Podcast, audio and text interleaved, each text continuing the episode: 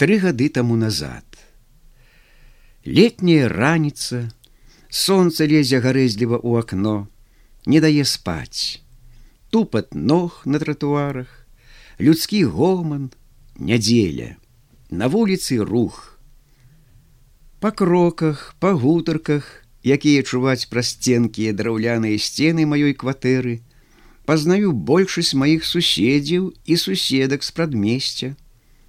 Праходзіць каля майго акна дзве старыя дзевы, панна Вікторыя, і панна Канстанцыя. Яны гутараць аб пончыках з кавай, якімі даўней карміліся. У галасах 60гадовых пан адчуваецца апетытнасць імкнення да асалоды. Мне здаецца, што бачу іх не шамкаючыя, слінявыя, зморшчаныя губы і галодна жаласныя падслепаватыя вочы. Цяпер яны абедаюць у сталоўцы нейкай дабрачыннасці і патрохі жабруюць па суседзях. Панна Вікторыя, пані, у якой панна Канстанцыя служанкаю ўжо гадоў 30.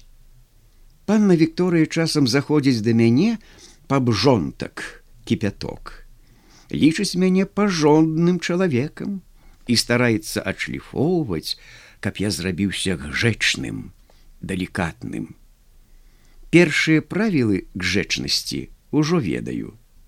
Я павінен ёй казаць не проста дзень добры, а дзень добры панна Вікторыя. Тады яна робіць кнігсэн і усміхаецца як пятнастоўка. 15гадовая дзяўчына. Пасля такога свецкага этыкету панна Вікторыя хоча мне пачытаць французскі роман у знак пашаны да маёй асобы. Я рознымі хітрыкамі кожны раз выкручваюся ад такіх сеансаў. Часта яна мне робіць заўвагі, што першы кланяюся панне канстанцыі, а не панна Канстанцыя мне. І служанцы таксама кажу: дзень добры панна Канстанцыя. Так не выпадае ірытуецца панна Вікторыя. Першым чынам нязручна пану, гэта значыць мне, найміцы канстанцыі кланяцца і называць яе паннай.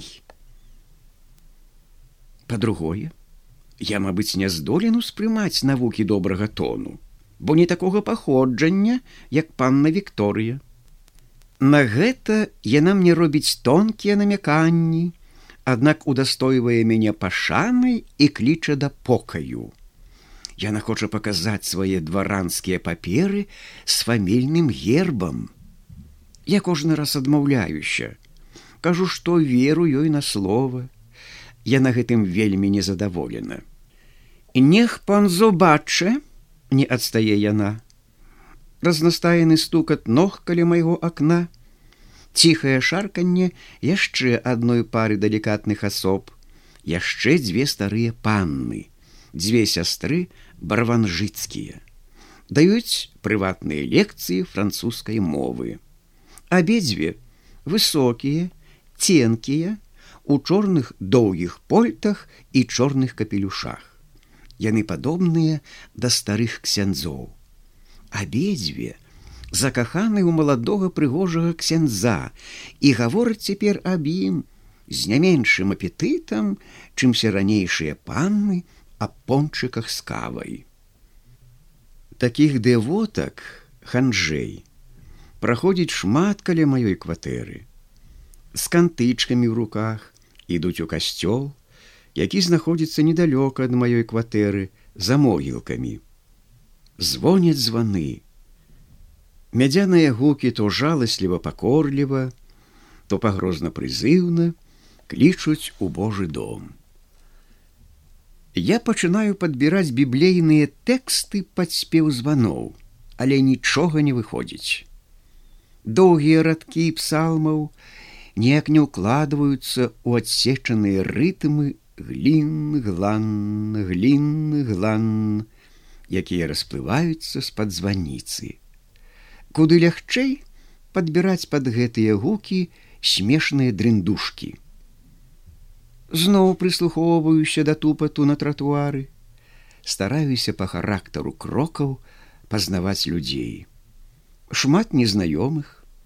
Па кроках я, аднак пазнаю, мужчына ці жанчына, стары ці малады, дзеля ўпэўненасці падымаюся з ложка і гляджу ў акно праз вышыўку фіранкі, у большасці не памыляюся. Тук, тук, дук, тук, тук, дук, нібы не дзве, а тры нагі. Што за стварэнне з трыма нагамі?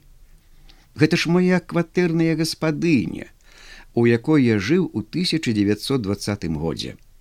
Таксама набожная, таксама маршыруе ў касцёл пад музыку званоў, як ваяка пад стук барабана. Ёй ужо больш за 80 год, і яна набыла трэцюю нагу моцны кій.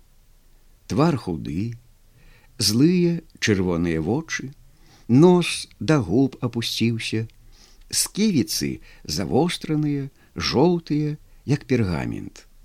Яна вельмі баіцца смерці і мае ад гэтага адзін паратунак вечна есть. Ад гэтага у яе заўсёды надзьмуты жывот, тырчыць як у цяжарнай. Заўсёды яе мучае нястраўнасць. Жыватом у яе частыя непаразуменні, і яна кволым басам скардзіцца: О Езу, Езу, ты б дрып, ты б дрып, ты б дрып. Пазнаю вас, старыя ногі пана Механевіча. Вострая бародка сівым трыкутнікам наперад, нібы працярэблівае сабе дарогу ў паветра. Сінія вочки з-пад густых кустоў броваў пільна глядзяць удаль, зірк, зірк, жвава ва ўсе бакі, як дзве мышки. Ды ён, пан Механевич, слаўны стары паляўнічы. Пан Механевич нешта апавядае незнаёмаму мне, незнаёмы тупат ног аб сваім удачлівым паляванні. Пан Механевич мае прывычку, ці нейкі фелер фізічны паўтараць канцы слоў. Фелер хваравіты рэфлекс. Дык я пайшоў рано, яшчэ сам Бог спаў сваёй дубальтоўкай, аж на у лесе ціці рукоў. Я за імі цікаваць, цікаваць, потым, калі трахну, далей не чую. Нехта пачаў стукацца ў дзверы. Мой сябар в загадчык савецкай гаспадаркі за 10 вёрст ад мінска. Моцна лае за такое познее спаннё. Трэба зараз жа ехаць з ім у саўгас. Фурманка тут жа. Прывесці да парадку свой туалет справа 5 хвілін. Снедаць будзем там, яечня, малако, сыр і, Мой сябар робіць зладзейскія вочы. Я заўважыў, што адна кішэня ў яго моцна адтапырана, а стуль тырчыць старчма нешта падобнае да галавы гусака, абверчаная газетай. Спецыяльна дзеля гэтага газету купіў, апраўдваецца мой сябар, а то ўбачаць. Калі вачэй у яго зайгралі таемна вясёлыя зморшчынкі